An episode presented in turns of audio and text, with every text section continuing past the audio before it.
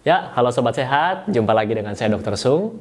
Pada kesempatan kali ini, saya akan men-sharingkan kepada Anda semua tentang apakah mengkonsumsi daging kambing menyebabkan banyak penyakit.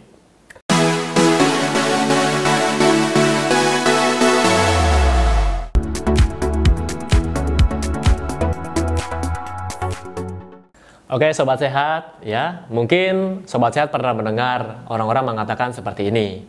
Kalau makan daging kambing bisa stroke. Makan daging kambing bisa menyebabkan darah tinggi, bisa menyebabkan uh, obesitas misalnya, bisa menyebabkan sakit jantung, ya. Sampai sekarang, sobat sehat, belum ada penelitian yang mengatakan bahwa makan daging kambing menyebabkan penyakit-penyakit tersebut yang telah saya sebutkan sebelumnya, ya. Jadi, uh, saya mau sampaikan di sini bukan berarti karena penelitiannya belum ada, anda berhak atau Anda bebas makan daging kambing sebanyak-banyaknya. Dan ini juga berlaku untuk daging-daging yang lainnya, terutama daging merah, ya. Jadi jangan mentang-mentang belum ada penelitiannya, wah saya makan seenaknya saja. Oke? Nah, di sini saya akan memberikan ilustrasi. Di sini ada dua gambar, ya. Oke? Gambar di kanan saya ini adalah gambar makhluk hidup pemakan tumbuhan, ya. Saya uh, memberikan contoh kuda misalnya. Ya, di sini ada gambar gigi struktur struktur gigi kuda, hewan herbivora. Dan di gambar uh, sebelah kiri saya ini adalah gambar struktur gigi karnivora. Oke, nah Anda bisa lihat di kedua gambar saya ini, kira-kira gigi Anda mirip yang mana? Yang sebelah kanan saya atau yang kiri saya? Oke, saya beri waktu mungkin 5 detik, Anda bisa lihat cermin sekarang.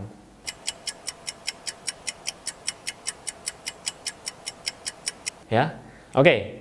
Sudah temukan jawabannya kan? Sudah ketemu jawabannya kan? Oke. Jadi tentu saja gigi Anda mirip yang herbivora, ya. Kenapa? Gigi manusia itu didesain mirip herbivora. Jumlah taringnya hanya 4. Jadi di antara 32 gigi, jumlah gigi taring hanya 4. Ya. Nah, hal ini secara anatomi kita didesain untuk memakan lebih banyak buah dan sayuran. Ya. Anda bukan saya katakan Anda tidak boleh makan daging. Anda tetap boleh makan daging, tetapi ingat, karena jumlah gigi taring cuma 4, Anda harus mengunyahnya lebih lama. Banyak orang kalau ketemu daging, apalagi makanan kesukaan mereka, mereka makan sangat cepat. Ya, mungkin 2-3 kali dikunyah udah ditelan, masih utuh bulat-bulat ditelan. Ya, nah dengan begitu, mungkin Anda yang masih muda, Anda tidak merasakan apa-apa. Wah, saya, saya biasa aja kok habis makan seperti ini tapi ketika Anda berusia di atas 40 tahun, ya, banyak mereka yang di atas usia 40 tahun, karena kadar enzim di dalam tubuh mereka sudah mulai berkurang. Akhirnya ketika mereka makan daging berlebihan, apalagi makan dengan terburu-buru, mereka merasa kembung, sebah, tidak enak, ya. Nah, itu sebabnya Anda harus mengunyahnya dengan baik karena jumlah gigi taring untuk mengoyak daging hanya 4 buah. Dan kemudian di sini ada ilustrasi gambar lagi, gambar usus ya, binatang herbivora dan karnivora. Oke. Anda bisa lihat perbedaannya. Yang sebelah kanan saya ini uh, panjang ususnya jauh lebih panjang dibandingkan yang sebelah kiri saya. Kenapa? Karena binat uh, makhluk pemakan tumbuhan ini ya didesain ususnya panjang untuk menyerap zat-zat gizi dan mineral dari sayur-sayuran dan buah-buahan ya dari sayuran. Uh, sedangkan karnivora didesain begitu pendek. Kenapa? Karena daging yang dimakan itu cepat membusuk.